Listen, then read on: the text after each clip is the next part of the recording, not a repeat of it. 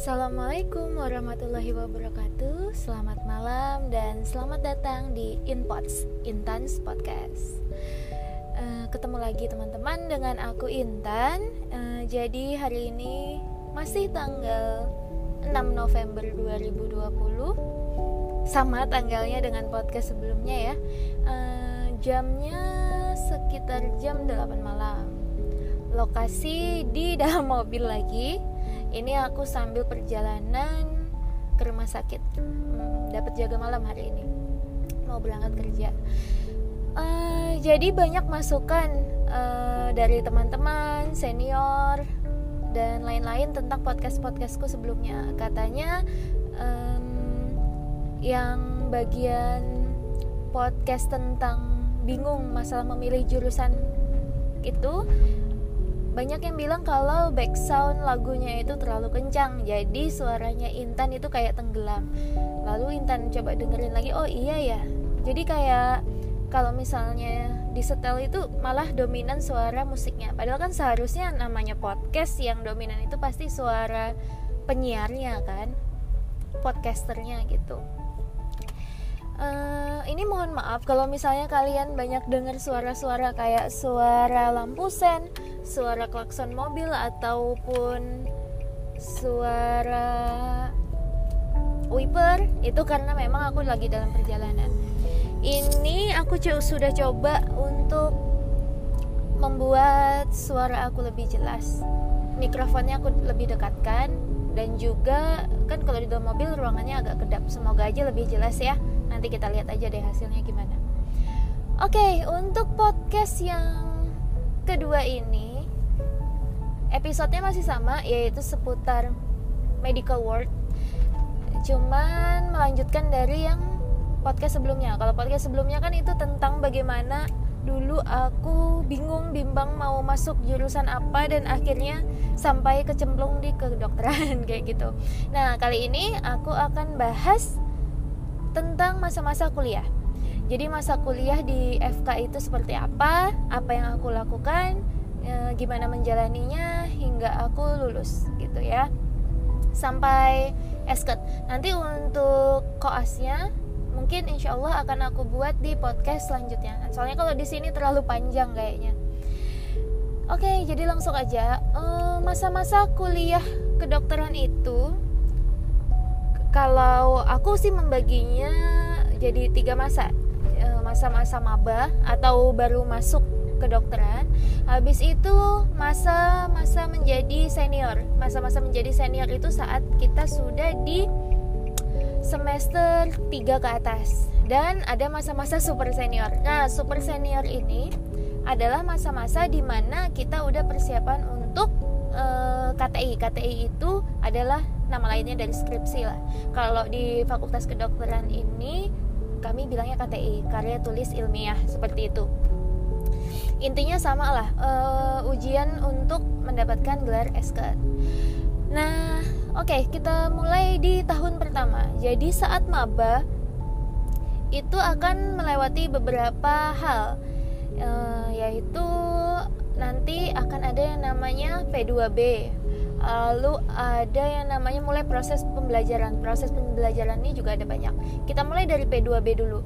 P2B di FK khususnya FK yang aku dulu aku kan alumni Universitas Lambung Mangkurat Banjarmasin Kalsel mungkin agak sedikit berbeda dengan teman-teman di provinsi lain tapi ya kurang lebihnya mungkin sama lah Nah, di FK itu saat kita pertama kali masuk nanti uh, kan ada yang istilahnya bahasa apa ya? MOS kalau sekarang sih. Kalau dulu kalau sekarang kalau dulu itu MOS masa aku. Kalau sekarang kurang tahu. MOS MOS itu dia untuk seluruh seluruh mahasiswa di FK tersebut. Jadi misalnya FK di sini, FK di Unlam itu ULM ULM itu dia FK-nya terdiri atas 5 fakultas. Jadi Fakultas Kedokteran Umum, Dokter Gigi, Perawat, eh, Kesehatan Masyarakat dan Psikolog. Nah, MOS itu dia masih bergabung. Jadi masih bergabung semua FK. Masih ada 5 prodi di dalamnya. Biasa ospek-ospek seperti itu, perkenalan dengan senior, dokter-dokter dan lain-lain lah. Nah, nanti setelah kita sudah melalui MOS, kita akan masuk ke tahap P2B. P2B ini aku lupa singkatannya apa, tapi ya kurang lebih MOS juga, tapi khusus untuk prodi kamu aja. Jadi kayak aku dulu khusus prodi e, pendidikan dokter aja. Nah, di situ nanti e, bisa dibilang lebih lebih sedikit disiplin lah. Karena kita lebih mentalnya lebih dilatih lalu lebih banyak tugas-tugas. Nah seperti itu. Kalau yang berkesan untuk aku sih dulu itu tugas-tugas yang membuat kita semakin kenal dengan senior kita atau kakak tingkat kita. Jadi kalau dulu di kedokteran itu saat kita pertama kali masuk kita punya yang namanya kakak asuh. Jadi setiap satu orang itu punya kakak asuh. Nah, kakak asuh di sini dia tugasnya untuk mengayomi adiknya.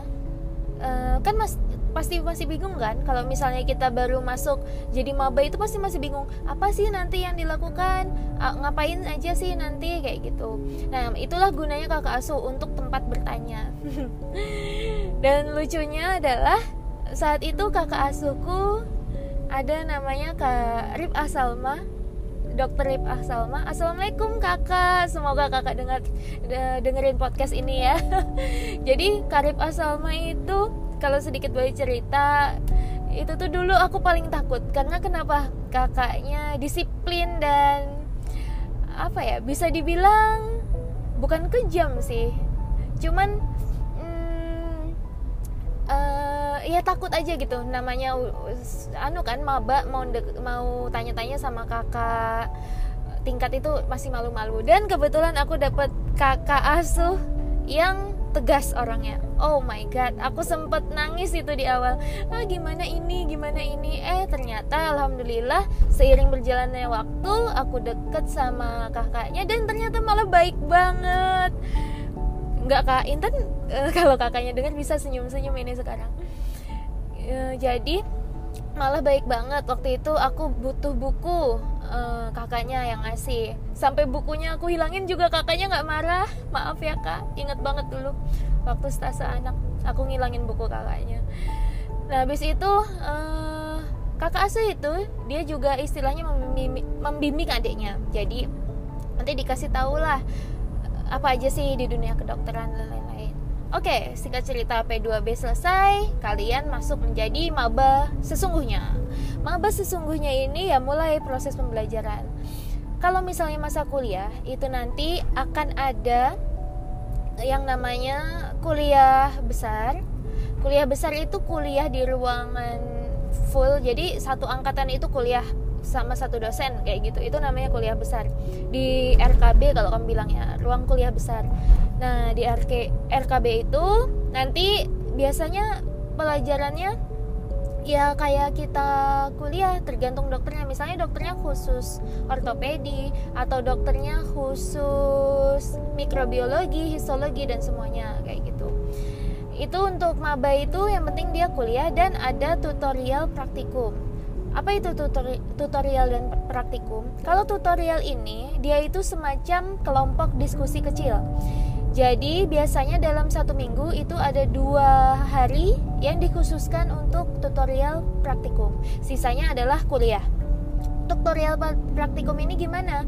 Tutorial itu dia um, jadi dari kan angkatanku ada sekitar 140-an anak. Nah, itu dibagi-bagi kelompok A, B, C, D dan seterusnya itu kira-kira satu kelompok isinya 10 anak. Nah, 10 anak ini nanti dia akan melakukan diskusi, dikasih satu kasus dan melakukan diskusi. Jadi nanti ada yang namanya moderator sama notulen. Lalu ada anggota. Nah, moderator ini nanti yang memimpin diskusi itu, notulen itu nanti yang tugasnya untuk menulis di papan tulis. Gitu. Nanti siapkan pertanyaan-pertanyaan. Jadi pertanyaannya itu dari kita dan kita juga yang menjawab kayak gitu. Kita dulu yang belajar di rumah. Nah, dan juga tutorial itu nanti ada satu dokter yang mendampingi. Satu dokter yang istilahnya kayak observernya kayak gitu. Ngeliatin kurang apa ya, kurang apa. Nanti di akhir dokternya ngasih evaluasi dan dinilai. Si, jadi sekilas seperti itu ke tutorial. Lalu lanjut ke praktikum praktikum ini uh, disesuaikan dengan kamu sedang di stase apa. Jadi misalnya lagi di stase um, contohnya muskuloskeletal. Muskuloskeletal itu kan tulang dan otot. Dan nanti praktikumnya juga akan mengikuti stasenya. Jadi misalnya lagi di muskuloskeletal berarti nanti yang akan dipraktikumkan itu misalnya cara uh, membidai orang yang lagi sakit, cara menjahit luka dan sebagainya dan sebagainya. Pokoknya disesuaikan dengan stase yang sedang dijalani. Seperti itu. Kalau stase itu istilah untuk koas ya, eh, blok-blok kalau kuliah itu blok jadi blok muskuloskeletal blok respirasi blok kardiovaskular seperti itu jadi disesuaikan dengan bloknya oke itu untuk maba setelah kalian beradaptasi nanti dengan uh, rutinitas tersebut nanti udah mulai enak tuh. Memang awalnya mungkin agak kaget. Belajarnya memang harus continue gak bisa kebut semalam. Pokoknya harus dicicil lah kalau saran aku. Disicil dan kalau dan cari kalian itu tipe belajar yang mudahnya seperti apa? Kalau aku adalah tipe orang yang nulis dan mendengarkan. Jadi aku nggak bisa belajar hanya mendengarkan tanpa nulis dan nggak bisa cuma nulis aja gitu nggak bisa. Aku harus baca, dijelaskan dan aku nulis. Nah itu aku baru paham. Ada orang temanku yang uh, pinter banget dia itu cukup men mendengarkan aja dia nggak nulis tapi dia paham nah cuman setiap orang beda-beda tergantung cara mana yang menurut dia paling nyaman. Maka lakukan cara yang membuatmu nyaman. Kalau aku sukanya pakai dengerin musik temanku ada yang nggak bisa pakai musik. Nah itu kan relatif banget. Jadi sesuaikan dengan kebutuhan kalian masing-masing. Yang penting paham dan ilmunya bisa diaplikasikan Oke, okay, setelah menjadi maba nanti sudah terbiasa dengan rutinitas itu. Jangan harap di kedokteran itu saat kalian masih maba akan ada yang namanya organisasi. Belum. Organisasi baru akan mulai kalau nggak salah itu di semester 2 atau semester 3. Barulah itu organisasi bermunculan. Kalian milih mau masuk di mana. Banyak banget. Ada uh, organisasi keagamaan, ada organisasi yang khusus kepenulisan, ada organisasi uh, kesehatan seperti TBM dan lain-lain. Kalau aku dulu karena aku orangnya suka nulis, aku memang suka nulis dari SMA, jadi aku ikut kepenulisan. Dulu namanya Hipokampus. Jadi aku ikut Hipokampus itu seperti wartawannya anak FK jadi kerjaannya cari berita membuat majalah habis itu bikin mading dan kayak gitu. Aku memang suka hal-hal kayak gitu dulu. Sampai sekarang sih. Pokoknya suka sesuatu yang share ke orang lain. Nah selanjutnya nanti kalau kalian sudah ikut organisasi tergabung di dalamnya ikut andil di dalamnya saat kalian masuk ke masa-masa senior, senior ini sekitar semester 3 4. Nah, itu akan mulai apa namanya? Uh, mulai muncul perasaan-perasaan apa ya hiperbola mungkin bukan hiperbola ya maksudnya oh aku senior sekarang gitu. Aku sudah punya junior nih. Saat adik-adik kalian masuk maka kan kalian gantian yang kalian yang akan jadi kakak asuhnya kan. Nah di situlah nanti kalian akan ketemu adik asuh. Abis itu gantian kalian yang ditanya-tanyain kalian yang mengarahkan dan sebagainya dan sebagainya. Terus juga ada penerimaan asdos. Asdos itu asisten dosen. Asisten dosen ini biasanya ada tesnya. Jadi kalian tertarik di mana? Kalian tertarik di bidang apa? Kalau aku dulu suka banget ya namanya gambar. Jadi aku coba untuk ikut tes asisten dosen histologi dan alhamdulillah keterima. Itu masa jabatannya 2 tahun. Jadi aku selama 2 tahun itu ngajar adik-adiknya untuk praktikum histologi. Nah ada juga teman-teman lain yang jadi asdos anatomi mikrobiologi dan banyak lagi yang lainnya Farm farmasi juga ada farmakologi juga ada. Nah gitu pokoknya. E, tergantung kalian struknya di bidang apa. Menurutku itu sangat-sangat membantu sih karena uh, kalau kita ikut organisasi ikut menjadi asdos uh, aktif dalam kegiatan-kegiatan itu itu nanti juga jadi bekal kita supaya kita itu nggak kagok saat mulai ketemu pasien nyata kan namanya kuliah kita belum ketemu pasien kan? Tapi kita tetap harus melatih cara kita ngomong. Kita harus tetap melatih gimana bersikap di depan orang. Nah kayak gitu. Menurutku dengan organisasi dan apa namanya tadi? Jadi asdos dan segala macam itu sangat-sangat mengasah kemampuan kalian. Jadi jangan jadi orang yang terlalu pemalu. Aku pemalu banget orangnya aku pemalu tapi aku kepingin berkembang kayak gitu. Makanya aku coba ikut organisasi ini organisasi itu. Memang aku tidak perfect di bidangnya tapi setidaknya aku dapat pembelajaran gitu ya. Nah, lanjut. Setelah kalian mengalami masa-masa senior itu menurutku masa senior ini masa paling nyaman. Karena kenapa?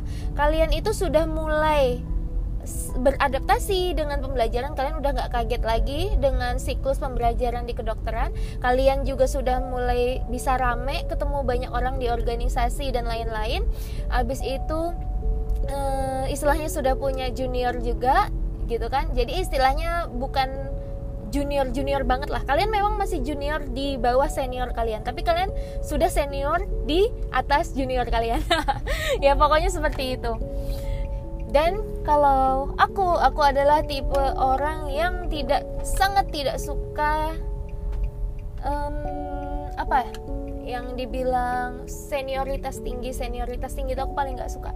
Jadi aku itu kalau memang dulu ada merasa ada kakak senior yang mungkin agak susah diajak ngomong dan lain-lain aku tidak mau. Aku mau menjadi kakak senior yang bisa mengayomi adik-adikku. Yang membuat adik-adikku itu nyaman tanya sama aku. Yang membuat adik-adikku itu uh, oh aku bisa tanya ke kakaknya. Kakaknya enak ditanyain. Nah kayak gitu. Maka aku menjadi orang yang seperti itu. Maksudnya menjadi senior yang seperti itu. Alhamdulillah uh, sampai sekarang hubungan baik aku dengan adik-adik asuhku dengan adik-adik tingkatku itu masih baik berjalan sampai sekarang tapi ini tergantung orangnya lagi jadi sesuaikan porsi kalian masing-masing oke okay.